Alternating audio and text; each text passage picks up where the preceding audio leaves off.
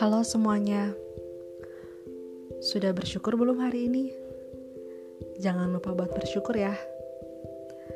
Bersyukur untuk hal-hal yang sederhana, seperti bersyukur masih bisa bangun hari ini, bersyukur bisa melihat, mendengar, berbicara, berjalan, bernafas, dan melakukan hal-hal lainnya. Bersyukur masih bisa bertemu orang-orang yang kita cintai.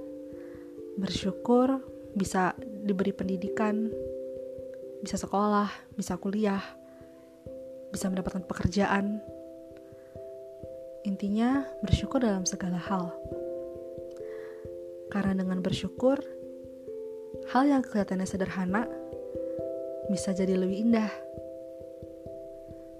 Biarkan aku memberimu satu contoh. Hari ini, aku sarapan seporsi nasi dan telur goreng. Sederhana bukan?